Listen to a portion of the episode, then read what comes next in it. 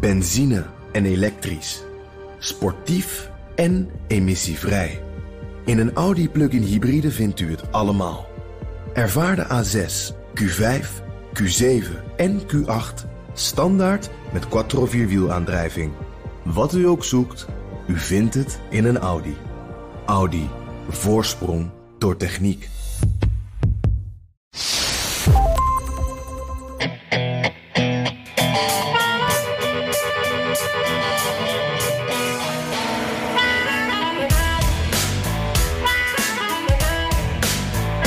Biden neemt een coronasprintje. Hij vervroegde de datum waarop alle Amerikanen boven de 18 hun eerste prik kunnen krijgen met bijna twee weken van 1 mei tot 19 april. I'm announcing today that we're moving that date up from May 1st to April 19th nationwide. That means by no later than April 19th, in every part of this country, every adult over the age of 18, 18 or older will be eligible to be vaccinated. In heel Amerika brak een soort feeststemming uit. Want Biden gaf niet alleen aan dat het land de COVID-brand bijna meester is. maar zette ook politiek een slimme zet. Het komt niet vaak voor dat een politicus iets belooft. dat hij versneld waarmaakt. Tactiek of niet? Tweederde van de Amerikanen steunt zijn corona-aanpak. Democraten en Republikeinen. Mijn naam is Bernard Hammelburg vanuit de BNR studio. Jan Postma is met vakantie, maar we vonden een uitstekende nepotistische oplossing met zijn vaste vervanger. Ja, dan, dat ben ik, David Hammelburg, vanuit Studio Hammelburg in New York. Met, uh, ja, op zijn Jans gezegd, lekker een bakje koffie op een bureau. Ja. En in de staat New York uh, kan sinds begin van de week al iedereen boven de 16 zijn eerste prik halen. Uh, de discussie gaat nu over de vraag of voor het nieuwe schooljaar september ook alle kinderen vanaf 12 gevaccineerd moeten worden. Uh, gaat dat gebeuren? Ik denk van wel, alhoewel ze er natuurlijk nog niet over uit zijn. Want er is nog niet volledig getest. Uh, maar het, ik kan me ook heel goed voorstellen dat heel veel uh, staten en scholen, publieke of openbare scholen, de vaccin een verplicht nummer maken. Wil je je kind nog naar, naar uh, school sturen? Ja, natuurlijk. Want dan, dus dan, dan, kunnen de ouders ook aan het werk. Natuurlijk, of die kunnen makkelijker aan het werk. Ja. Ja, precies. Ja. Even, even hoe het werkt. Hè. In Nederland uh, krijgt iedereen, ik heb hem ook gehad, krijgt een oproep van de GGD. En dat gaat dan van hoge leeftijd naar lage leeftijd. En dan kun je online of telefonisch afspreken. Dus als je eenmaal zo'n envelop in de bus hebt gekregen. Uh, ja, dan, dan zegt het systeem: komt u maar. Maar Amerika heeft geen persoonsregistratie. Dus hoe, hoe pakken ze dat daar nou aan? Was het maar zoals dat in Europa werkt, dat iedereen een identiteitsregistratienummer uh, uh, heeft, maar dat is, zoals je zei, hier niet. Dus hoe doen ze het? Met heel veel publiciteit. Uh, op radio, op de televisie, op nieuwssites, social media. Um, en daar bereik je natuurlijk niet iedereen mee, want er zijn veel daklozen of mensen die in de bush wonen, die geen internetbereik hebben. Dus er zijn vrijwilligerorganisaties, burgers, die die mensen dan opzoeken, uh, die misschien tussen de wal en het schip dreigen te vallen. Dus ja, zoals ik zei, dakloze minderheden die de taal niet verstaan. en je kunt de vraag hier uitstekend, uitstekend of uitsluitend online doen. Dus daar hebben ook heel veel mensen zeer veel hulp mee nodig. En de hoop is nog altijd dat hier in ieder geval driekwart van de bevolking wordt gevaccineerd. Maar het is wel heel veel werk. Ik kan je ook even vertellen. Uh, ik heb ook mijn eerste prik gehad. En dat was gewoon urenlang scannen online totdat ik een plekje vond. Um, en zo gaat het met iedereen en alles. Het is heel lang wachten voordat je een afspraak maakt. Maar als je die afspraak helemaal hebt, dan gaat het vrij soepel. Ja, maar goed, het is dus evenveel gedoe met online. En je hebt trouwens in, in Nederland ook heel veel mensen die dat telefoonnummer draaien en dan ook soms wel een uur moeten wachten voordat ze uh, iemand aan, aan, de lijn krijgen. Dus ja, dat, dat overal. Maar uh, in, in New York, waar jij dus zit, gaat het, gaat het snel. Gaat het nou uh, overal zo snel?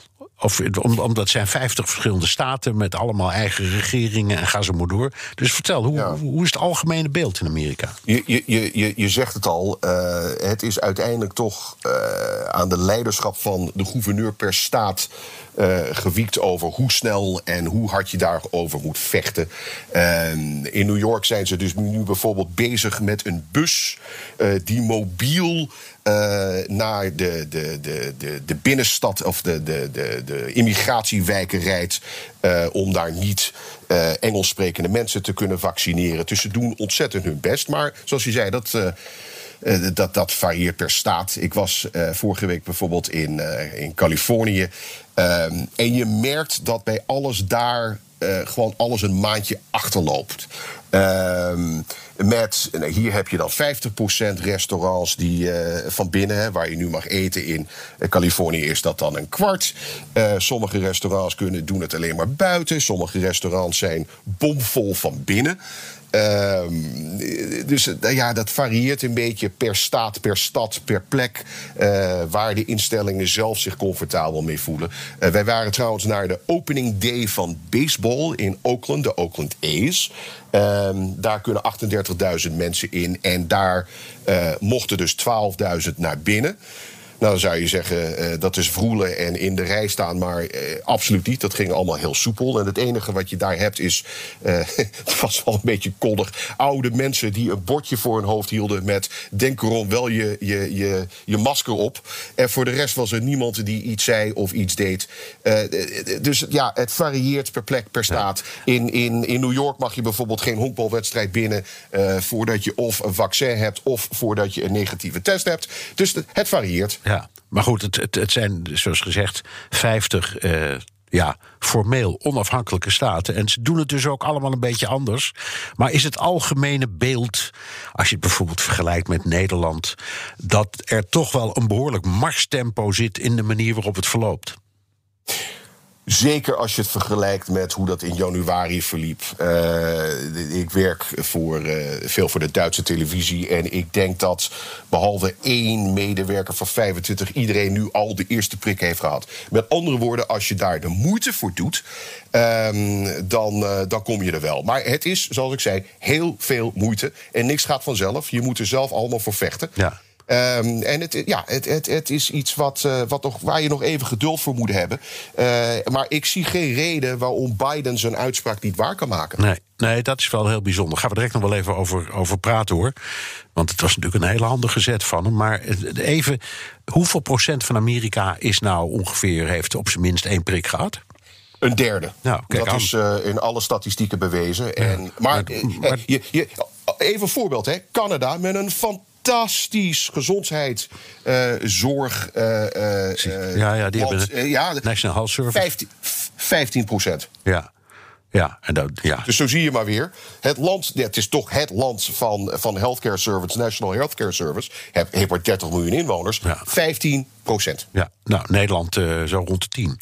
Dus, dus die, ik zou maar zeggen, die gekke Amerikanen, die doen het zo gek nog niet. Hè? Dat Die klopt. gekke Amerikanen doen, doen het niet, nog niet eens zo slecht. Nee, dat klopt helemaal. Oké, hey, voor je televisiewerk, hè, daar, de, de Duitse televisie vertel je, eh, je. Je ziet heel Amerika voortdurend. En je ziet natuurlijk vooral New York. Eh, waar jij altijd woont en ik gelukkig heel vaak.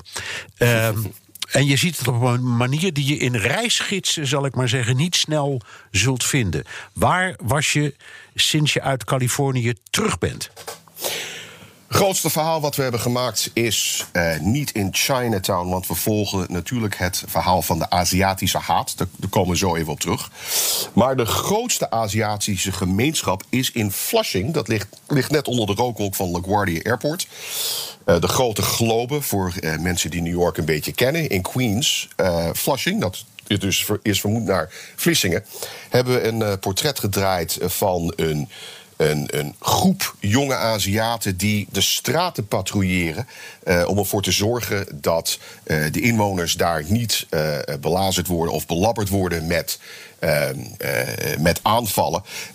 Het is wel heel tekenend dat eigenlijk nou ja, maanden na de verkiezingen en het verhaal Trump, die Aziatische haat nu naar boven komt. Gisteren nog is er een dame in een, een nagelsalon binnengelopen. Uh, en heeft iedereen van God gescholden dat de coronavirus jullie schuld is. Vervolgens liep zij tegen een Aziatische uh, NYPD-politieagent op. Die zei precies hetzelfde tegen de agent en is onmiddellijk gearresteerd. En daar zijn dus uh, tientallen gevallen van, ook hier in New York. Dus de grote immigratiestad van Amerika. Een, een, een, een, groep mensen die nu ja, het stijpen van het, van het lijf lopen, dat ze, dat ze op straat uh, worden aangevallen omdat ze er Aziatisch uitzien.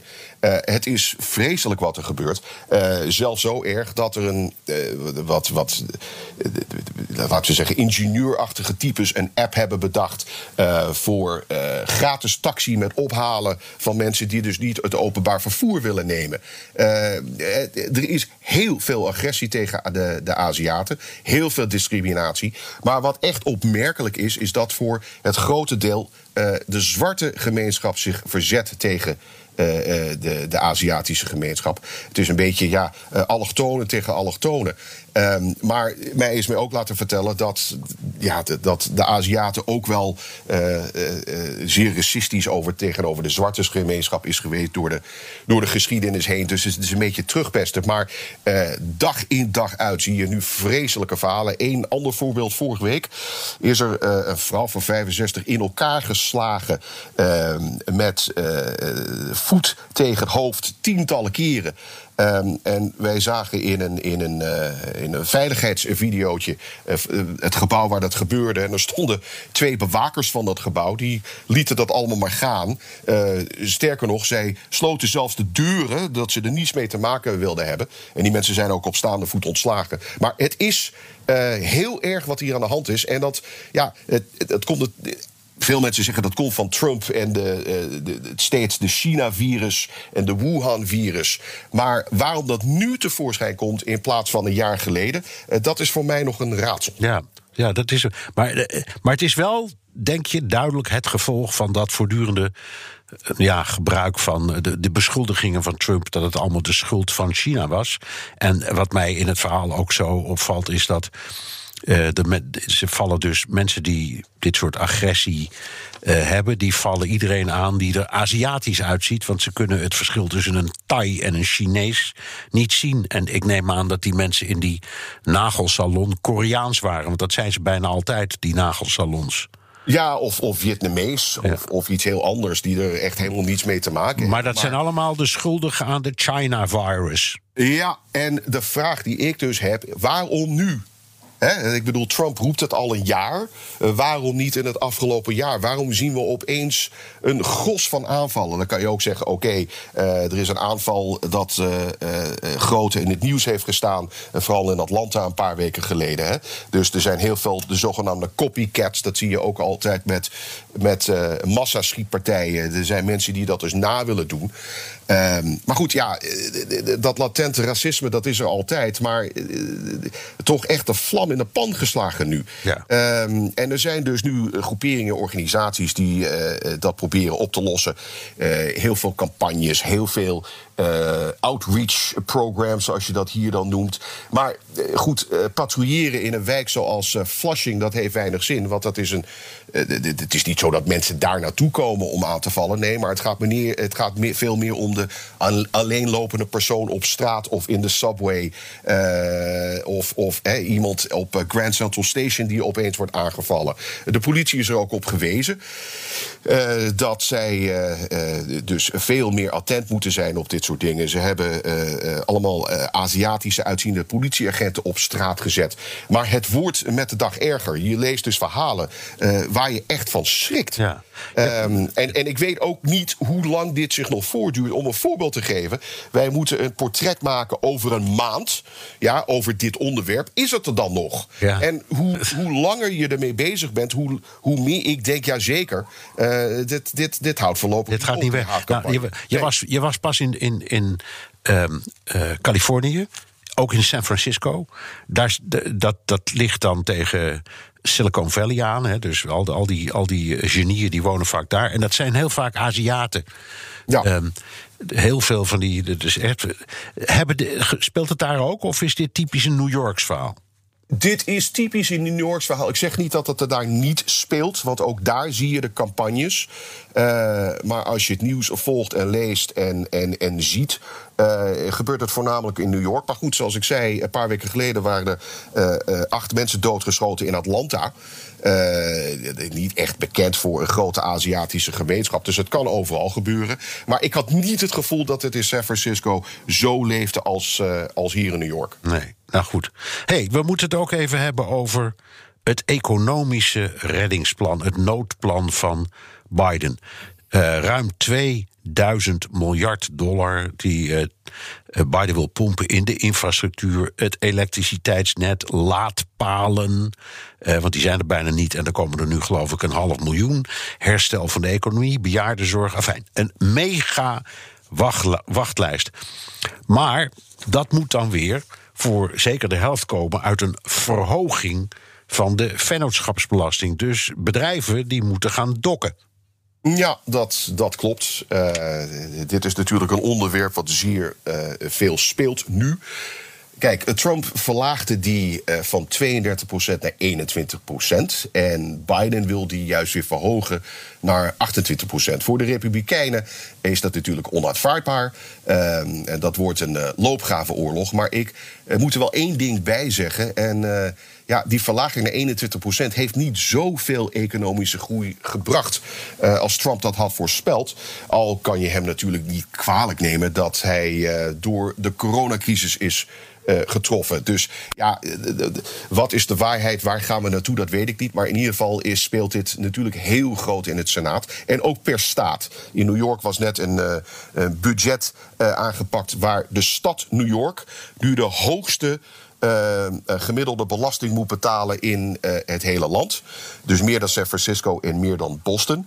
Uh, iedereen boven de miljoen, iedereen boven de 2 miljoen. En alle grote bedrijven moeten flink gaan dokken.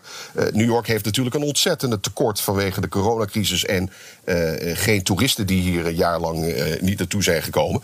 Ehm, dus goed, dat is in ieder geval goedgekeurd door het Senaat in, in Albany. Uh, dus de vrees is die, dat hier heel veel bedrijven gewoon weggaan. En naar Florida gaan bijvoorbeeld, omdat daar geen staatsbelasting is. Nee, of naar uh, Delaware. Of naar Delaware, ja, precies. Want daar heb je ook geen staats, daar heb je geen vennootschapsbelasting. Het, het gaat, dit gaat niet om het Huis van Afgevaardigden. Hè, want daar, daar, heeft, uh, hebben de, de Democraten weliswaar een krappe meerderheid. Maar daar hebben ze dan toch wel een meerderheid. Maar het gaat natuurlijk om de Senaat. Ja. En, en nou is het normaal altijd zo dat voor heel belangrijke grote beslissingen, zoals zo'n soort reddingsplan, daar is traditioneel heb je dan 60 van de 100 stemmen nodig. Uh, en de Republikeinen en de Democraten hebben er allebei 50. Dus, dus Biden heeft niet voldoende. Maar nou lees ik dat de Senate Parliamentarian. Dat is een soort, uh, ja een wachtmeester, een toezichthouder die de regels van de Senaat uh, bekijkt, die heeft dan gezegd dat dit ook met een enkelvoudige meerderheid kan. Dus dat je kunt zeggen: oké, de Democraten 50-50, ze hebben de vicepresident, dus is 51 tegen 50. Dus als Biden wil, of als de, als de Democraten willen, dan kunnen ze hun plan doordrukken. En de vraag is: gaan ze dat dan ook doen? Ik, ik weet het niet. Um ik vermoed dat Biden uh, die uh, plotselinge coronasprint trekt. Uh, om het politieke klimaat naar zijn hand te zetten. In de hoop dat hij in elk geval een aantal maanden zo populair is dat hij een politieke gok kan wagen.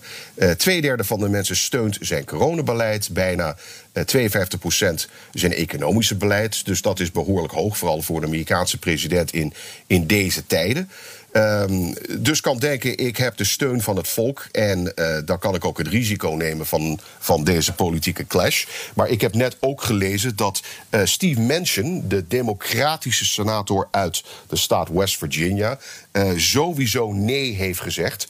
Um, nou, Manchin zit in een, in een moeilijke politieke situatie, want het is een democraat in een zeer republikeinse staat. Maar hij vult een beetje de rol zoals uh, senator John McCain dat deed in Arizona.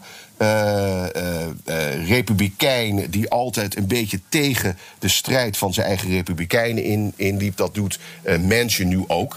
Dus ik weet niet of, of Biden het zich kan veroorloven om hem zijn stem tegen hem te hebben. Nee. Maar ik vind Biden ook een beetje iemand die zegt: ik ga het proberen, maar zodra ik één moment tegenstrijding heb, dan, dan geef ik de strijd al half op. Heb jij ook een beetje dat? Ja, ja. Nou ja, ik, ik denk voortdurend. Hij, ja, kijk, als hij die ene stem van die Mansion, die meneer Mansion, verliest, dan heeft hij simpelweg geen meerderheid meer. Ja. Dus dan kan hij sowieso niet doordrukken. Zelfs als hij zou willen, nou, zeggen wat jij dan zegt. Ik ben op dit moment zo populair, laat ik de gok maar wagen. Uh, maar dat kan dan niet meer. Dus hij moet sowieso ja, ze knopen tellen, zal ik maar zeggen. En hij moet natuurlijk enorm goed nadenken over de verkiezingen van 2022. Dan heb je de, de tussentijdse verkiezingen voor het Huis van Afgevaardigden en de Senaat. En tegen die tijd ja, is deze, deze, deze oorlog wel een beetje, deze economische oorlog wel een beetje uh, voorbij. En is het effect van die populariteit misschien ook een beetje uitgewerkt. Dus daar moet hij allemaal rekening mee houden. En nou zeggen de Republikeinen dat vind ik niet zo'n gek idee. Laten we nou niet zo ambitieus zijn. Uh, en meteen met zulke krankzinnig grote hulpplannen tegelijk komen. Laten we nou beginnen met iets waar, waarvan we allemaal zeggen: ja, dat moet, daar moet eindelijk eens iets aan gebeuren: de infrastructuur. Want dat kunnen we waarschijnlijk afdoen zonder dat we de belastingen verhogen. En dan denk ik: ja, dat is niet onredelijk. Dus ja, is dat nou een opening? Het is natuurlijk een opening, maar dat had Trump ook vier jaar geleden. Hè. Dat was ook, ook een beetje zijn uh, opening. Maar omdat er destijds toen zoveel andere dingen kwamen, zoals die zijn stand tegen immigratie. En, en uh, ga zo maar door. Uh, hebben de, de Democraten in het Senaat zich uh, ontzettend stijf gezet. Maar uh, jouw vraag over de inf infrastructuur, dat, dat hangt een beetje van de definitie van in infrastructuur af. Ik vergelijk het een beetje met het woord instelling. Dat kan ook honderden betekenissen hebben. De Republikeinen zeggen infrastructuur betekent wegen en bruggen. En de Democraten zeggen dat is ook elektriciteit net. dat echt uit het jaar nul is. plus een half miljoen laadpalen, totale overschakelingen op elektrische rijden. Dus een enorme overschakelingen op uh, schone energie. Uh, dus in de, de overdrive op, op weg naar de klimaatdoelen, dat kost veel meer. En uh, dat zal uit belastingen moeten komen. kortom, dat is voor de Republikeinen natuurlijk vloeken in de kerk. Dus ja, ik, ik doe altijd aan, aan Clinton denken. Het is, de, de vraag is wat de definitie van is is. Ja. Precies. Dus je kan zeggen, Republikeinen zeggen inderdaad, uh, infrastructuur betekent gewoon dat die, die, uh, die verschrikkelijke wegen en die kapotte bruggen moeten worden gerepareerd. Klaar. Laten we daar nou eens mee beginnen. Ja, dus, ja. ja. ja. ja. De, nou ja de, ik, en ik denk dan, ik vind het niet zo'n slecht begin. En al die ambities, we kijken wel waar het loopt. En ik, ik denk dan. Biden kennende, die kent de Senaat, heeft het grootste deel van zijn werkende leven daar doorgebracht. Als vicepresident heeft hij voortdurend met ze moeten onderhandelen. Dus die man die zit zijn knopen te tellen. En hij zei, um, las ik, ik geloof gisteren in een van de, van de kranten, dat hij ook wel bereid is om een compromis te sluiten. En dat zou erop wijzen dat hij zegt: ik, ik ga niet die het enorme oorlog met de Republikeinen in dit stadium al aan. Want dat wordt chaos. En ja, dat is dan denk ik ook voor um, Biden. Ja, dat is suicidaal. Hij, hij, is dan nu wel heel populair, maar voordat je het weet is dat vervlogen. En ja, waar staat hij dan? Ja, het, het, het, is een, het is een hele goede. Kijk, uiteindelijk, omdat Biden zo lang in het Senaat heeft gezeten, je hebt helemaal gelijk, kent hij het spelletje meer en beter dan, uh, dan alle anderen. En je moet ook niet vergeten, het is eigenlijk stiekem ook nog een beetje een vriendje met senaatleider Mitch, of uh, voormalige senaatleider Mitch McConnell. Dus die, die, die twee begrijpen precies hoe het spelletje werkt. Ik denk dat McConnell zegt: ehm, laten we redelijk zijn en laten we inderdaad aan, aan dingen werken waar we, allemaal, waar we het allemaal over eens zijn. Uh, laten we het politiek gesteggel even achter. Want ook McConnell denkt aan de midtermverkiezingen in 2022. En McConnell en de Republikeinen staan momenteel bekend uh, als de partij die niets, nee en niks wil. Dus dat, dat heeft er ook een beetje mee te maken. Dus ik denk dat het op zijn Washingtons of Washingtonians uiteindelijk toch een beetje uh, uh, het, uh, de, het land van, van compromissen wordt. Ik denk, ik zie Biden niet te ver links gaan schieten. Ik zie hem ook niet uh, uh, helemaal niets doen. Het is toch een beetje typisch Biden. mensen weten waar ze op hebben gestemd. het is een beetje tot, tot hier en niet verder. En als men in de Republikeinse Senaat roept: nee, echt niet verder, dan, dan houdt Biden zich daar wel een beetje aan. Ja. Is dit wat het land nu nodig heeft? Ik, ik denk van wel, na via Trump. Uh, wat denk jij? Nou, uh, ik, ik, ik, draai het om. Ik mag hopen dat hij dit soort redelijke overwegingen maakt. Op zichzelf is uh, was de ambitie die hij had. Hij kijkt elke, elke dag van zijn, van zijn werkzame leven in, in de ovale kamer naar een portret van uh, Franklin Roosevelt, zijn inspirator. Ja. De, met, met, ja, die toch de grootste, misschien sociale en, en maatschappelijke en uh, financiële revolutie ooit in Amerika op zijn naam heeft gezet. Uh, en denkt: ik wil ook zoiets.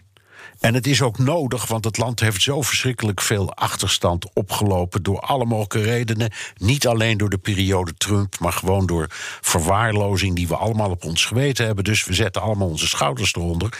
Totdat je dan nog eens nadenkt en denk je wel, maar ik zit ook in, een, in misschien wel de allerscherpste.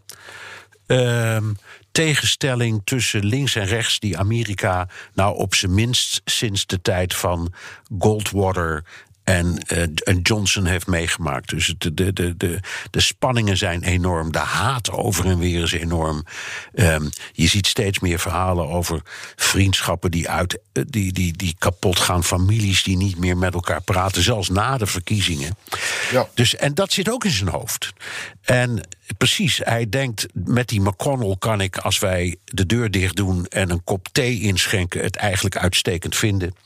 Ja. Dus laten, laten we maar eens kijken. Dat mag niet hardop worden gezegd. Dat mag natuurlijk nooit hardop worden gezegd. Alleen, alleen, wat ik me afvraag, is de, de haat aan republikeinse kant, laat ik zeggen aan Trumpistische kant die is nog zo overweldigend. Dat zal jou ook gebeuren en het gebeurt mij ook voortdurend. Uh, dat we herinneringen krijgen van hoe vreselijk deze Biden is. En hoe uh, Trump en, en co. alweer klaarstaan om de macht terug te pakken. Um, dus het, de, hoe slagen Biden en McConnell, als ze al samenwerken achter de schermen erin, om die enorme haat, om daar iets aan te doen. Want dat is, ik schrik ervan steeds. vooral omdat het onderwerp nog steeds gaat over gestolen verkiezingen dus het gaat niet, e-, niet, eens om de inhoud van wat Biden allemaal wil, waar we zo even op terugkomen, maar het gaat ook over het feit, over de legitimiteit van überhaupt, een, überhaupt een president Biden. Dat speelt nog steeds een grote rol. Ik denk dat Biden denkt, ik heb een afkoelingsperiode nodig van 6 tot 12 maanden. Ehm, de, de, de, de de gevoelens liggen zo hoog op het ogenblik met zoveel haat. Um, we hebben gewoon een, ja, een cooling down period nodig. En, en, en laten we even ontdooien. Uh, de vraag is alleen, heeft hij daar de tijd voor? Het was ook nog, het heeft, uh, ik geloof, drie maanden geduurd voordat hij zijn eerste persconferentie gaf. Uh, af en toe denk je, is hij er wel? Is hij wel aanwezig? Dat speelt allemaal een rol. Um, maar uiteindelijk wil je als Biden, hij is toch wel ambitieus, hij wil best wat bereiken. Um, en inderdaad, nu dat zijn populariteit zo hoog is, ik denk niet dat het hoger zal worden.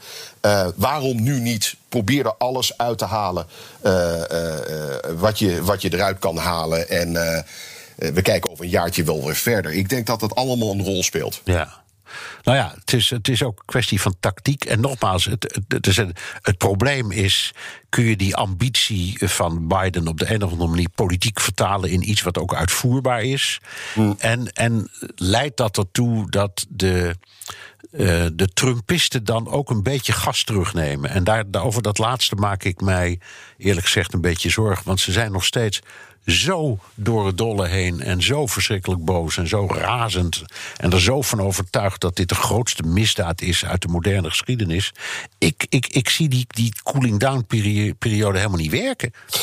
Met alle respect, dat wat, wat het omgekeerde vier jaar geleden. Hè? Dus mensen die uh, nog steeds boos en verdrietig zijn over Trumps overwinning uh, uh, tegenover Hillary Clinton dat gevoel heb ik ook wel een beetje um, aan de Republikeinse kant.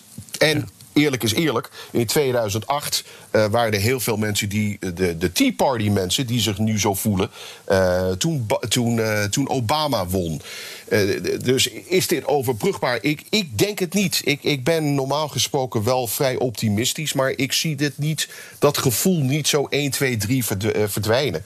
Nee. Um, en nog steeds de verhalen over Hunter Biden en de familie Biden en de corruptie en, en he, alles wat daarmee te maken had. Uh, rechtse media uh, die tekeer ging over uh, een, een, een, een, jurk die, die Jill Biden droeg op Air Force One. Het, het, het, iedereen gaat zo ontzettend tekeer. En iedereen is zo verschrikkelijk boos. En dat blijft maar. Op een bepaald moment zou ik denken: eh, eh, eh, loopt die boosheid niet een keertje af? Maar nee. nee, dus. Nee. Ik, ik, ik, denk dat, dat voel, voel jij dat ook? Ja, ik voel het ook zo. En ik, nou, het is natuurlijk ook handel om het zo maar te zeggen. Want je hebt een, een, een groepje media dat zich helemaal heeft gespecialiseerd op het. Uh, nou ja, het voeden van, voeden van dit soort gevoelens.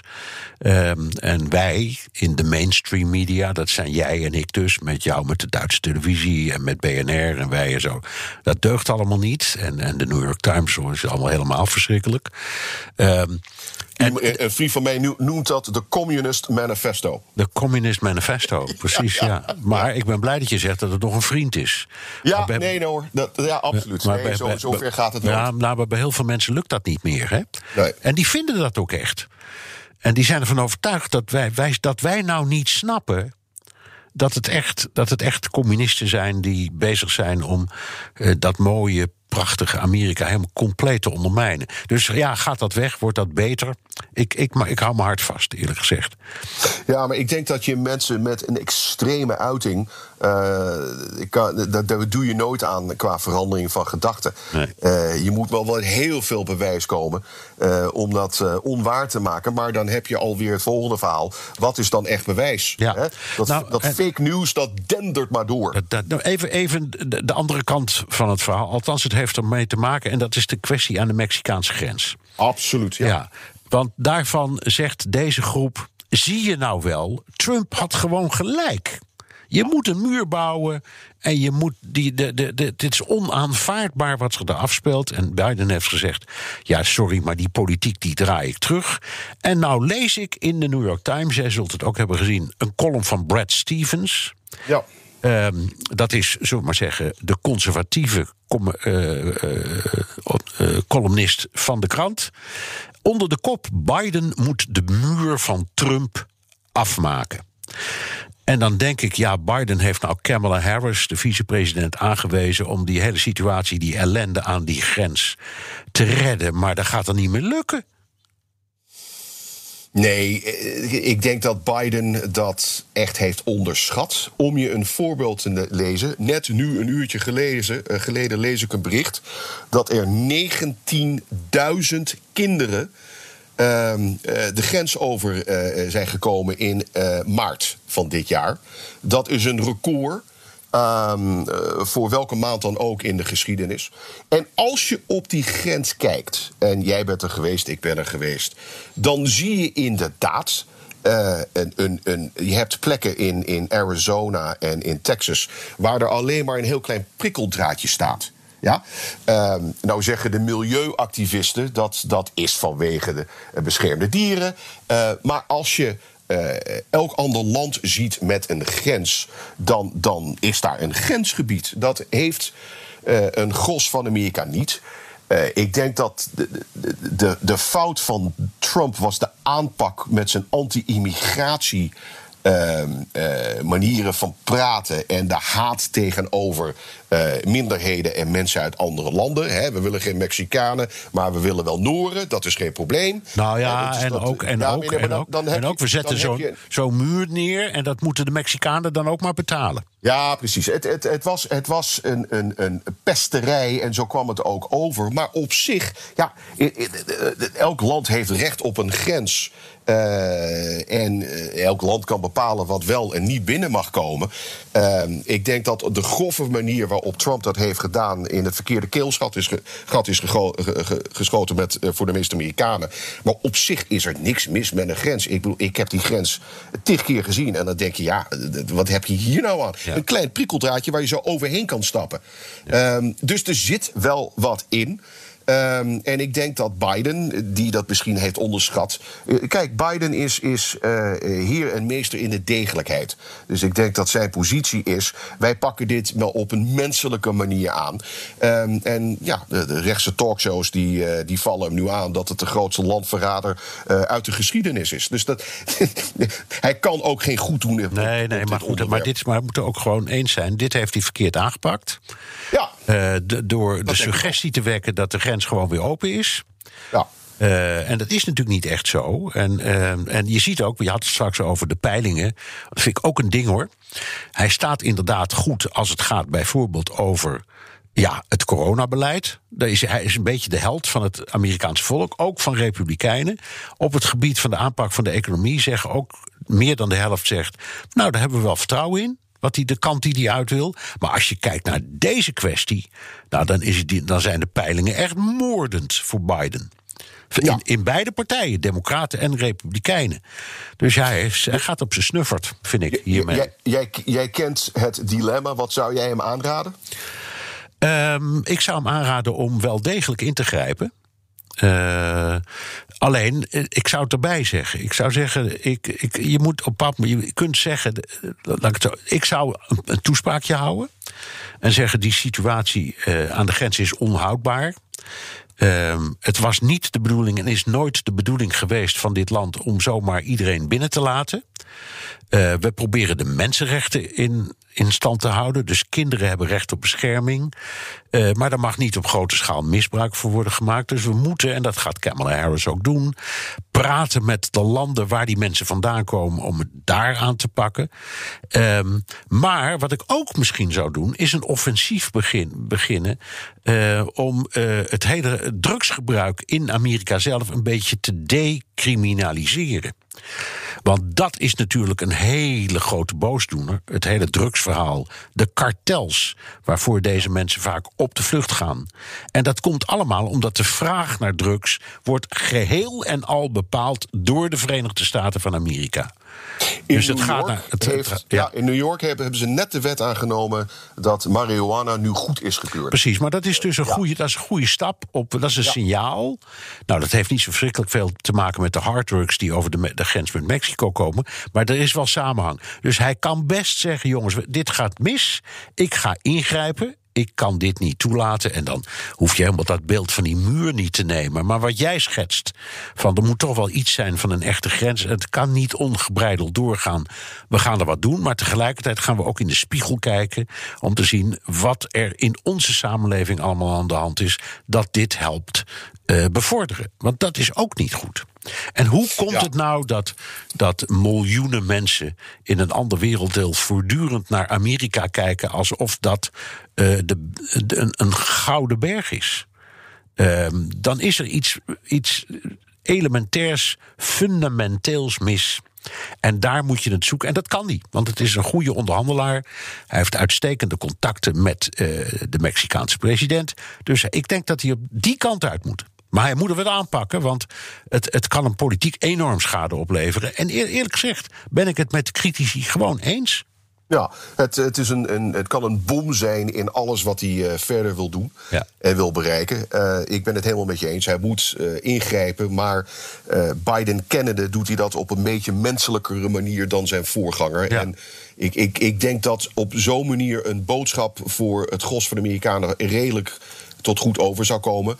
Uh, Rechts-Amerika krijgt hij natuurlijk nooit mee, want hij zal nooit hard genoeg ingrijpen. En hij zal ook te weinig doen om het uh, echt hermetisch af te sluiten. Um, dus dat, die, ja, die, die, die derde van de Amerikanen krijgt hij sowieso niet mee. Uh, maar voor de rest, ik, ik, ik hoop dat je gelijk hebt en dat hij uh, ook rond, laten we zeggen, de 50% komt op, uh, in de peilingen met wat hij uiteindelijk zou kunnen bereiken. Dan heb je al een, een heel slag achter de arm. Ja, ja. Hey, nog even over Georgia. ja, Georgia. Met, ja, er staat Georgia met Georgia on my mind. Met, ja, die, met, met die omstreden nieuwe kieswet. Uh, en die volgens de critici vooral de arme zwarte kiezers uh, uh, pest bij het naar de stembus gaan. Um, nou ja, dat leidde tot een enorme explosie. Dat mag je wel zeggen, ja. grote bedrijven uit Georgia zelf dreigden uh, meteen met boycotts en hel en verdoemenis. En dan heb ik het over bedrijven zoals uh, Coca-Cola en Delta Airlines, allebei gevestigd, hoofdkwartier in Atlanta. En UPS, en dat is de grootste pakjesdienst ter wereld. Um, en de sportbond Major League Baseball, de All-Star Game was dit jaar in Atlanta. Dat hebben ze meteen geschrapt. Uh, dat gaat nu naar Denver.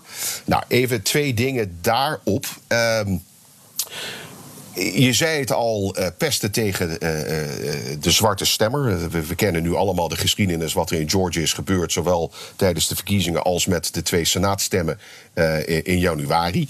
kijk, een van de, van de grootste problemen, dat is een fundamentele discussie in het land. Waarom moet, elk ander land ter wereld, als je gaat stemmen, moet je even een identiteitsbewijs laten zien? Dat is toch redelijk, zou je denken? Maar ja. in Georgia en heel veel zuidelijke staten is het heel moeilijk om een identiteitsbewijs te krijgen. Uh, als voorbeeld, er zijn uh, tig uh, mensen, vooral in de zwarte bevolking, laten we zeggen boven de 80, die nooit een identiteitskaart of bewijs hebben gehad. Dus die, die weten ook niet precies hoe oud ze, ze zijn. Het, het, is de 21ste eeuw, het is ondenkbaar, zou je zeggen. Maar het is wel waar. mensen die dus schatten, ik ben ongeveer 89, ongeveer in oktober geboren, maar ik weet het niet helemaal zeker. Heel moeilijk om een identiteitsbewijs te krijgen. Uh, dus de Republikeinen zeggen: ja, hey, sorry, uh, daar heb ik niets mee te maken. En de degelijkheid zegt: um, ja, sorry, maar uh, mensen hebben wel recht op het stemmen. Alhoewel zij zich niet kunnen identificeren. Leuk verhaal daarover. De eerste keer dat ik hier ging stemmen, nam ik keurig mijn identiteitskaart mee. En ik werd uitgescholden door degene die me daar hielp. Doe dat ding onmiddellijk weg. Wij zijn in New York. Dit is geen, dit, dit is geen Louis Louisiana. Daar heb ik ontzettend om moeten lachen, maar het is wel zo. Um, ja, het, het, het is een, een, een, een, een groot ding. En dat over dat boycotten, nou goed, dat is een, een andere discussie. Uh, de cancel culture, hè, waar rechts-Amerika links-Amerika van beschuldigt.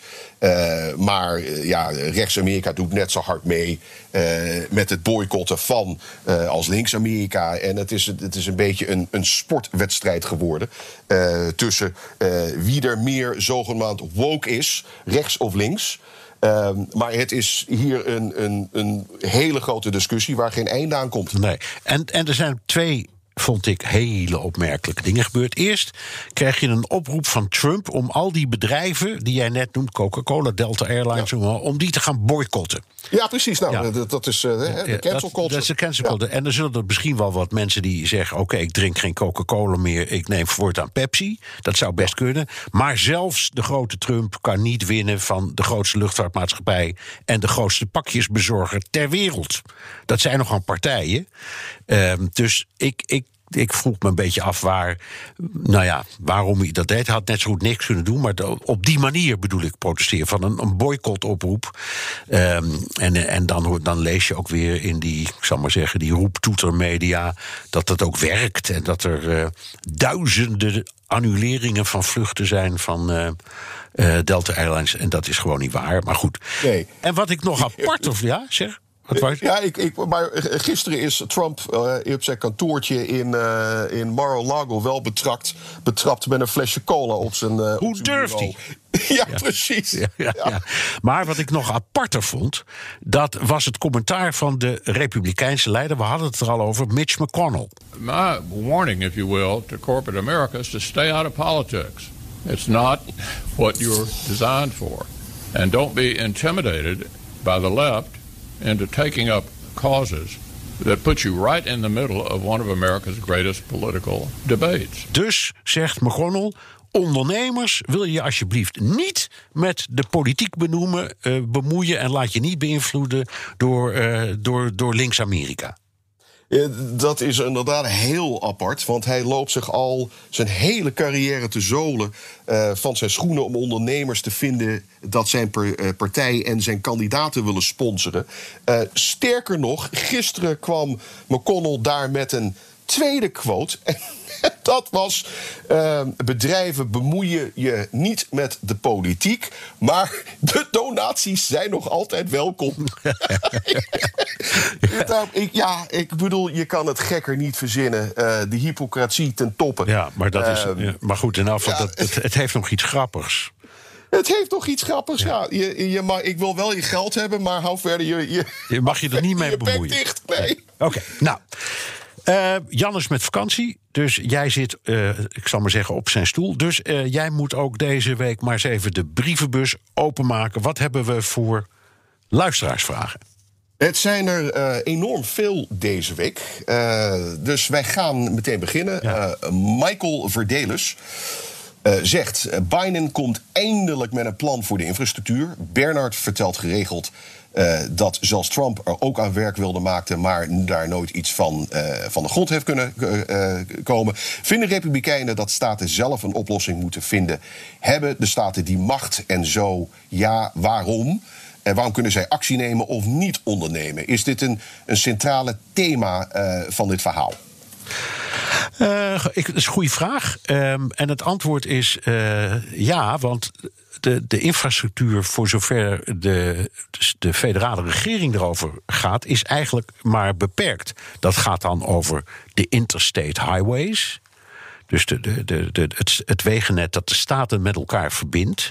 En het gaat ook over bruggen die daarin liggen. Maar het gaat niet over de, de, de wegen en de bruggen die vallen onder de staat. Staten hebben ook uh, hun eigen wegennet. Um, en dat wordt ook in het algemeen gemarkeerd. En uh, dat verschilt enorm per staat. Bijvoorbeeld in, in, uh, ja, zeg, in, in, in, in Zuid-Florida zijn die staatswegen in het algemeen best netjes. In, in New York zijn die staatswegen, nou ja, dat weten jij en ik precies, verschrikkelijk. Daar ga je vaak door met je, met je prachtige auto door de meest vreselijke kuilen. Uh, maar dat is niet uh, dat is geen uh, federale kwestie. Dus dat is heel vaak ook een staatskwestie. Dus ja. zelf, ook, ook als je op zo'n vliegveld aankomt, dan denk je, nou, dit, dit is de derde wereld. Dat is wel vaak uh, federaal. Maar als je dan van het vliegveld afkomt en je stapt in een taxi, dan denk je, nee, dit is niet de derde wereld, dit is de vierde wereld. Maar dat is dan weer de staat die daar verantwoordelijk ja. voor is. Ja, dat legt ook uit. Veel van dat geld voor de infrastructuur komt uit uh, het verkrijgen van rijbewijzen. Dat uh, elke staat heeft zijn eigen rijbewijs. En een gros van het geld komt daar vanuit. Dus 50 staten, 50 rijbewijzen. Um, maar het is inderdaad, als je op, op Kennedy aankomt en je rijdt door Jamaica he, uh, heen in Queens, dan denk je: waar ben ik in godsnaam? Dit is toch geen Amerika? Nee, maar het is, dus New York. veel werk de winkel. Maar het is New York City en daar kan Joe Biden met zijn infrastructuurplan dus niets aan doen. Helemaal niets. Nee. George Rijtsma. Sinds een aantal jaren woon ik in de VS, in de Bay Area in Californië. Uh, in de halfgeleiderindustrie. Luister meestal naar de podcast ochtends vroeg Vijf uur, dat is vroeg, op de fiets. Wanneer het nog redelijk veilig is op de weg. Uh, ja, ik mis de mooie Nederlandse fietspaden en het lekkere bruine brood. Ik werk als ontwerper in de halfgeleidend industrie. En we, uh, wij zien hier ook dat zowel in de scholing als in de investeringen... de westerse landen worden voorbijgestreefd door China... Uh, als ik naar mijn collega-ingenieurs kijk, zitten daar nauwelijks nog Amerikanen tussen. De meeste komen uit Azië of Europa. Uh, maar als je kijkt naar alle techniek die wij gebruiken, uh, simulatie, algoritmes, radiotechnieken, GPS, dan vinden die grotendeels hun oorsprong in, in de Amerikaanse defensie. In een commerciële setting had de ontwikkeling van zulke riskante technieken nooit een budget gekregen. Denken jullie niet dat ook Republikeinen zich zorgen maken dat de VS achterblijft en mogelijk toch deels meegaan in Bidens plannen. Nou, Heel veel dank. Ja, wat denk je? Goeie vraag hoor. Het is een hele goede vraag. En, en, en leuk dat iemand in, uh, in uh, de Bay Area, dus bij San Francisco in de buurt, naar onze podcast luistert, toch? Nou, negen, negen uur tijdsverschil, toch? Zo is dat. Eh, het is een goede vraag. Er zijn in de opleidingen van de Amerikaanse high schools uh, weinig uh, benadrukking op uh, de wetenschap. Het is eenmaal zo. Het zijn uh, heel veel concentratie op geletterden, de, de alfa, uh, de, de, de, de, talen en, en rekenen en, en geschiedenis. Dat zit er allemaal dik in. Maar ik vind zelf, ik zie dat met mijn eigen kind, veel, veel te weinig. Aan opleiding over de wetenschap. En als je naar pakweg Oost-Europa kijkt, of Azië of uh, India, ik noem maar, ik noem maar wat. Ja, dat zijn veel meer beta-landen. Dat zijn veel meer beta-landen. Dus ik denk dat een, een, een heel groot onderdeel van dit onderwerp daar uh, mee te maken heeft. Ik, je ziet ook Amerikaanse bedrijven uh, die inderdaad zelf alles hebben opgezet, nu zoekende naar ingenieurs uit, uh, uit het buitenland. Wij hebben ze gewoon niet. Nee. En ik, ik, ik weet niet hoe dat in West-Europa werkt. Werkt het een beetje hetzelfde daar? Um, werkt ook een beetje hetzelfde. Uh, wij hebben ook in, in, West-Europa, nou het hangt een beetje van het land af, maar zeker in Nederland enorm veel uh, uh, ook de import uit India bijvoorbeeld. Er komen heel veel beta's. Um, ook uit China, daar, daar, daar zijn al die discussies over ontstaan of je dan niet meteen die mensen de gelegenheid geeft om je kennis te jatten. Hè, want, maar dus, omdat er zoveel Chinezen zijn. Um, dus ja, dat, de, het kennisniveau ook op de universiteiten op beta-gebied is ook in bijvoorbeeld Nederland is eigenlijk een beetje onder de maat. Met een paar uitzonderingen. Hè. We hebben natuurlijk uh, Wageningen, de landbouwuniversiteit, die steekt echt met kop en schouders af. En dat is voor ook een groot deel beta. En uh, we hebben Eindhoven, we hebben Delft uh, en. en Twente. Dus daar, daar, zit, daar zit wel heel veel talent en daar wordt ook erg op ingezet. Maar het is niet voldoende. Nee, je hebt het hier ook wel. Hè? Je hebt MIT, dat is geloof ik de beste school ter wereld op dit gebied. Maar er zijn er te weinig. Ja. Uh, en ik weet dus niet, en ik, ik kan het niet volgen waarom er niet meer uh, druk is op de, de, de scholen in dit land om uh, meer wetenschap te doen. goede vraag. Geen, maar jij bedoelt, je bedoelt met wetenschap dus de, de beta-vakken, wiskunde, ja, de natuurkunde. Ja, ja. ja, te weinig aandacht. Ja. Uh, Vijal Walia. Uh, met heel veel plezier luister ik naar jullie podcast. Super informatief en objectieve berichtgeving met een gezonde dosis nuances. Ik wilde ingaan op jullie discussie in podcast uh, nummer 70. Hierin gaven jullie aan dat de Amerikanen zichzelf nog steeds als grootmacht zien.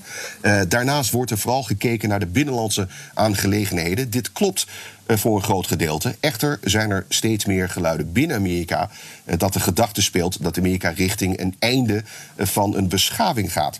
Hierin wordt er vergelijking gemaakt met het Romeinse Rijk. Um, en een van de redenen die wordt aangegeven is de discussie over de genderkwesties in met name Amerika. Er komt dus steeds meer de gedachtegang dat Amerika de grip aan het verliezen is als grootmacht. En dit verklaart ook de aankondiging van Biden, waarbij China expliciet wordt genoemd. Recensie 5 sterren, zoals uh, eerder genoemd. Uh, top show, ik kijk er wekelijks naar uit. Goeie vraag, wat denk je? Ja, dat vind ik heel moeilijk. Het einde van de beschaving, hè, daar wordt vaak over gepraat. En hij gebruikt dan de, de, het Romeinse Rijk. Er wordt ook vaak gesproken over um, het, het, Griekse Rijk, het Byzantijnse Rijk. Je hebt zelfs de term Byzantinisme. Hè, dat, dat, dat je als het ware getuige bent van je eigen ondergaande beschaving. En ik, ik, ik ben niet goed genoeg om dat te kunnen beoordelen. En ik ben ook een enorme optimist. Uh, dus ik, ik denk dat, dat Amerika een hele prachtige toekomst heeft. Maar je moet ook realistisch zijn. Het is niet meer de enige grootmacht. Dat is gewoon, het was een tijdje zo. Maar China is dat inmiddels ook. En als Europa wat meer samen zou werken, zou dat nog een grotere grootmacht zijn. En daar hebben de Amerikanen maar rekening mee te houden. Maar voor de rest, uh, nee. Ik, ik, ik ben niet zo. Ik weet het niet. Ik denk zolang NASA en IBM en, en Apple uh, en Google blijven bestaan, uh, grootgebracht in Amerika, valt het nog best wel mee. Ja. Ja. um, Milan Peil schrijft: In de voorlaatste podcast noemden jullie twee andere podcasts met ongekleurd nieuws. PBS NewsHour luister ik al langer. Ongelooflijk. Heeft Julie Woodruff nooit vakantie? Ja, die vrouw nee. die werkt, die werkt echt al 50 jaar elke dag, hè? Eerst bij CNN en nu bij PBS NewsHour. Het antwoord is nee, die neemt nooit vakantie. En dat wil ze volgens mij ook niet. Uh, maar die andere All Things Considered kan ik niet Nee. vinden. En gaan zo door met de podcast. Ja, nou, dat is een radioprogramma van NPR. Dat is dus de, de radioversie. En eh, neem een pen, Milan, en schrijf hem op. NPR, NPR dus, .org, eh, slash programs, slash all things considered. Met streepjes ertussen. Dus all, streepje, things, streepje, considered, slash. Als je dat inklikt, dan krijg je hem zo. Ik heb het even geprobeerd en eh, werkt hoor. Ook in Nederland. Nou, gelukkig maar. Ja. Tim Segeren schrijft... Graag kijk ik naar Real Time met Bill Moore. Ik stop de vraag even, want ik ben ook zelf een hele grote fan. Daar kom ik zo op terug. Eh, om naast jullie mijn wekelijkse dosis Amerika-nieuws te krijgen. Eh, ik vind de thema's in deze talkshow een goed ingehaakt... eh, op actuele thema's en onderwerpen aansnijdt... die later actueel worden. Een soort van de muziek vooruitlopen. Mijn vraag aan jullie is... Ehm, eh, in een Amerikaanse talkshow of podcast hebben jullie die zelf graag eh, waar jullie naar luisteren. Ik zal zelf even beginnen met Bill Maher. Ik ben een hele grote fan van Bill Maher. Een van de redenen is hij is ooit begonnen bij ABC. Ehm, met een show dat heette Politically Incorrect. Eh, en dat is geschrapt na jaren succesvol zijn na 11 september. Toen hij een foute grap maakte over 11 september. Ehm, eh, toen de, de morele politie kwam kijken en zijn show hebben geboycott. Eh, hij is al jaren te vinden op HBO op vrijdagavond. Eh, heeft een kijkdichtheid van 4 miljoen mensen. Wat voor de kabel natuurlijk gigantisch groot is. Een van de, de, de leuke dingen van Bill Maher is. hij spreekt in een manier waarop hij. eh, eh, alles kan zeggen en alles kan vinden. En gaat ontzettend keer tegen mensen die eh, dat niet goed vinden. Ik zal je als voorbeeld geven. Ehm, een jaartje of twee geleden was eh, een, een, een, een beroemde comediant eh, als gast. En die vertelde dat hij de, de, de universiteit niet meer doet als, als stand-up comedy. Hij was bezig met het verhaaltje. En dat werd opgezet als een. mijn vrouw liep door de keuken. En toen werd er alleen maar boe geroepen. Ehm, eh, dus die politieke correctheid. dat hij niet eens een zin kan afmaken. met het opzetten van een grap die daarna kwam. ehm, dat, dat werd meteen afgehaakt. Dus het is een. een Prachtig praatprogramma met wat er wel eh, mag en wat er niet mag. Ja. Ehm, maar één ding waar ik het oneens mee ben. eh, als je hem op, laten we zeggen, maandag kijkt van de show van de afgelopen vrijdag, is hij al verouderd. Ja, maar dat Dus vind ik het altijd. Dat pleit voor. Ja. Ja, dus ik ben met één ding eh, ben ik het oneens dat muziek vooruitlopen. Het is echt in de nauw. Eh, in de nu dus. Dus dat, hè, als je het Ja. vrijdagavond ziet of zaterdag is er niks aan de hand. Als je het dinsdag bekijkt, Ja. eh, dan, eh, dan hoeft het En nog even Maar een- Ik vind het een fantastische show. Oké, dan nog even een tip. Even snel dan maar. Maar ik, ik zou zeggen, eh, luister gewoon naar de Daily van de New York Times. Uitstekende podcast. En het was ook een van de eerste media, kranten in de wereld... die begon met een podcast. Klik er eens op en geniet. Roel Vossen schrijft. Misschien is hij lid van de Gotcha Gang. Nee, Bernard, de Empire State Building is niet onder Roosevelt gebouwd, maar onder zijn voorgang, eh, voorganger Hoover. Daar wil ik zelf even, even bij zeggen. Volgens mij heeft de president helemaal niets gebouwd, eh, maar de staat New York het gebouwd in 1931. Maar een Gotcha Gang, wat vind je Ja, zelf eh, daarvan? Nou, ik had, ik had het als voorbeeld gegeven. toen we vorige keer spraken over de, de, de revolutie onder Roosevelt. En, en het herstel van de economie. en allerlei eh, grote projecten. En ik heb toen ook het Empire State Building genoemd. En ik word nu dus door Roel Vossen terecht gecorrigeerd. Want dat was er al toen Roosevelt kwam. Het doet me denken aan een grap dat Reagan vertelde in 1986. Toen eh, eh, een Japans bedrijf Rockefeller Center overnam. Ja, Mitsubishi. was- Ja. ja, precies. Dat was een hele grote schande. En toen zei Reagan: eh, Ik weet niet of jullie het zien, maar volgens mij staat Rockefeller Center nog altijd waar Rockefeller Center staat. Ja. Dus wat maakt het uit wie het heeft overgenomen? Ja, ja dat. Rob van, ja. Ro- Rob van Gerven schrijft: Mijn vraag is deze. Waar zijn jullie het qua politiek in Amerika mee oneens? Wat denk je? Ehm, ik, ik, ik laat hem eerst aan jou. Eh, gerechtsvaardigheid. Ja. Ik, ik, eh, ik, ik doe nog steeds veel verhalen. eh, uit mensen in de gevangenis die daar helemaal niet horen te zitten.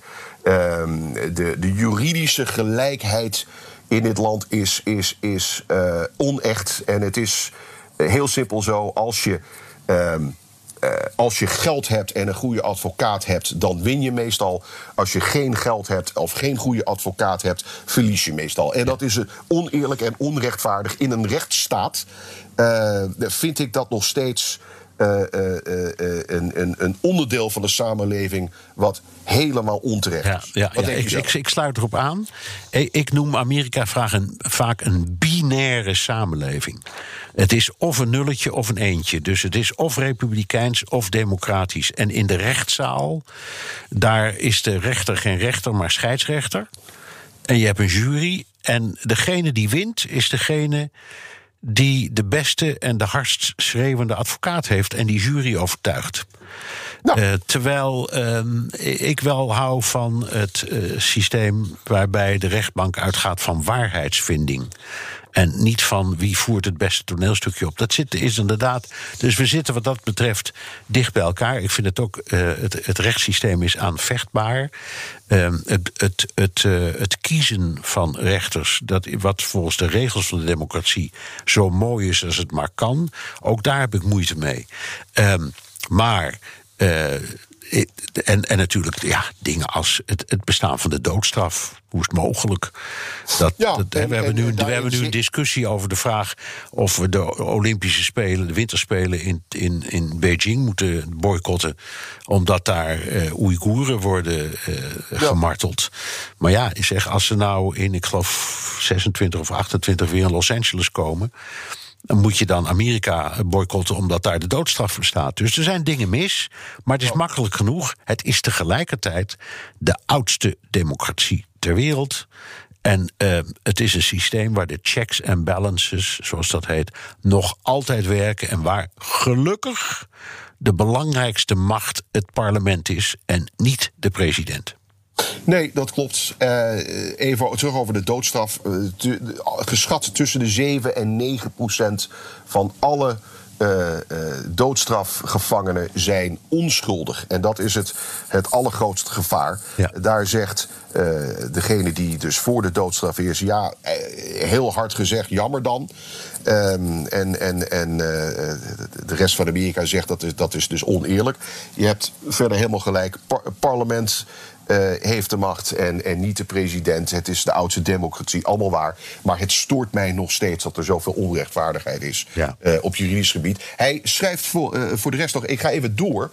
wat hij zegt, ik ben het oneens met de opmerking van Bernard... die Delaware het grootste belastingparadijs van de wereld noemde. het belastingsvoordeel van die bedrijven zit in een plaats in een staatsbelasting... en niet het vele raden. Um, daar kan Biden als president niets aan doen. En dat maakt het ook niet zo het grootste paradijs van de wereld. Cayman Islands, Zwitserland en zo, Macau, ik noem maar wat, uh, ben je veel beter af. Uh, verder probeer ik altijd een spel tussen te krijgen.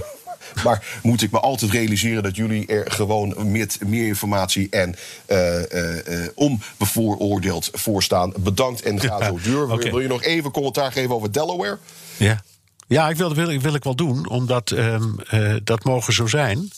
Maar het, uh, het, het, het ontduiken of het niet betalen van uh, belasting in een staat uh, is, betekent in, in totale bedragen werkelijk magistrale hoeveelheden. En als je ziet hoeveel grote internationale bedrijven zich daar vestigen, internationale bedrijven, bijvoorbeeld de New York Times, bijvoorbeeld The Guardian. Alle mogelijke bedrijven uit Europa. En trouwens ook heel veel van de BV's van Donald Trump. Maar ook die van de familie uh, Clinton. En dat is niet voor niks. En dan betalen ze misschien formeel wel iets van federale vennootschapsbelasting. Maar het grootste deel uh, kunnen ze via een hele legale weg daar kwijt. En je kunt daar dus een BV oprichten, echt in 10 minuten. En het kost, ik geloof, 300 dollar. En dan heb je hem. Geen controle, wordt zo afgetekend en je kunt hem zo openen. Toch een half paradijsje dan? Toch wel, ja. En, en de thuis, thuisstaat van ene Joe Biden. Precies. Uh, Ivan Ebbing. Elke donderdagochtend luister ik met veel plezier naar deze podcast. Dat is leuk om te horen. Uh, terwijl ik voorts naar Amsterdam. In de vorige aflevering hoorde ik jullie iets vertellen over Dick Cheney. Naar aanleiding van de film Vice. Ikzelf uh, zit nu tot mijn oren in de serie The West Wing. Daar kan ik in meeleven, want ik vond hem ook fantastisch. Um, die is nu gedramatiseerde tv. Geen goede manier om aan informatie te komen. Maar wat ik wel opvallend vind, is het schrille contrast in beeld er ontstaan over de rol van de VP, de vice president. Aan de ene kant uh, heb je de doordouwende marionetbespeler in Vice. Aan de andere kant uh, de slappe staande weg die je met zoveel mogelijk kluitjes het riet in moet stuiten in The West Wing. Uh, jullie bevestigden al de sterke rol van, van Cheney. Bestaat er werkelijk zoveel verschil tussen de rollen van de ene VP ten opzichte van de andere? Uh, alvast bedankt voor het antwoord. En op weg nog naar vele afleveringen van Ivan Ebbing. Ja, nou ja. Uh, het Jij eerst? Ja, het antwoord is ja. Er bestaat veel verschil tussen. Maar eigenlijk kun je zeggen dat um, um, sinds ik denk ik denk eerlijk gezegd sinds Jimmy Carter de rol van de vicepresident belangrijker is geworden en het ook zo benoemd is. Dus de, de, de vicepresident kreeg echt een, hele, hele, belangrijke rol. Um, ook al onder Nixon trouwens, dat heb ik vorige keer ook gezegd. Want het was. De, de, de, Ford, de vicepresident, wordt vaak een beetje afgeschilderd als een beetje suffig. Maar dat is toch de man die uh, helemaal het, het buitenlandbeleid voor een groot deel voerde. En, en toen al bezig was met het uitonderhandelen met de Sovjet-Unie van een van de belangrijkste ontwapeningsverdragen ooit, die, die toen hij president werd, trouwens heeft afgemaakt. Dus die vicepresidenten spelen vaak een, een, een belangrijke rol. Onder Trump niet. Die, die, die, die meneer Pence is gewoon nergens ooit aan te pas gekomen. Maar de meeste presidenten nemen die vicepresident, die geven ze wel echt belangrijke rollen. Dus uh, ja, Volgens mij wel. Ik denk dat het uh, natuurlijk varieert dat per president. Uh, vicepresidenten krijgen meestal een taakpakket. Uh, zoals Kamala Harris nu, uh, nu natuurlijk bezig met de muur en immigratie. Dat uh, is op haar afgeschoven. Ik weet nog niet hoe zij of hoe sterk zij in de schoenen staat met kabinet Biden. Daar is het toch gewoon te pril voor. ik denk dat zij wel in opleiding is voor uh, om eventueel kandidaat te worden uh, voor president over vier of acht jaar na Biden. Er, zijn dus er zijn dus vicepresidenten geweest die echt in opleiding waren. En er zijn vicepresidenten geweest, zoals jij al noemde bij, bij Vice, um, die eigenlijk meer de rol van president hadden. Dick Cheney was echt de leider van de, de, de oorlog in, in Irak en Afghanistan. dat zie ik Kamala Harris niet zo snel doen op die manier. vergeet niet dat de vicepresident uh, tot uh, de, de 20e eeuw, in, nog in de, 8, nee, de 19e eeuw, zeg ik het goed, de de, de, de tweede gekozen. Ja, de verliezer. De verliezende verliezer kandidaat in de was. In, ja, dus, ja, precies. dus ja. onder de huidige omstandigheden zou Joe Biden president zijn geworden en Donald Trump vicepresident. Vicepresident, ja, ja, precies. Dat hebben ze. Dat dus hebben het is tamelijk nieuw, dit systeem. Ja. Het is vrij nieuw, maar nogmaals, uh, het takenpakket verdeeld. Uh, en en de, de, verdeling tussen president en vicepresident. Bij sommigen is dat sterker, uh, bij anderen wat minder. Ja, ik zou zeggen, pak, pak, nog één brief, want we lopen. Er wordt wel heel lang hoor. We zijn al ja. meer dan een uur aan het praten. Ja, nou, uh, ik vond het trouwens heel gezellig op ja, deze manier. Ik ook, maar pak er nog uh, even een. Deze vond ik leuk van, uh, van Job. bedankt voor jullie leuke podcast. En ik vind het super fijn dat jullie als een van de weinige media niet 100% anti-kamp anti-kamp Trump zijn. Ik ben zelf ook geen Trump-fan. Maar het is fijn om te horen dat hoer en wederhoer bij jullie hoog in het vaandel staan. Oké, leuk om te horen. Goed, terugluisteren kan via de BNR-site, Apple Podcast en Spotify. Heb je vragen, opmerkingen, kritiek of complimenten... dan kan dat ook met een tweet naar Jan Postma USA of BNR De Wereld of heel ouderwets... met een mailtje naar dewereld.bnr.nl. En laat ook even weten hoe uh, je naar ons luistert en vooral waar. We vonden het hele leuke, opmerkingen wel in deze brieven. Wat en waar. Al ontzettend leuk. Dank voor het luisteren en eh, volgende week is Jan gewoon weer terug.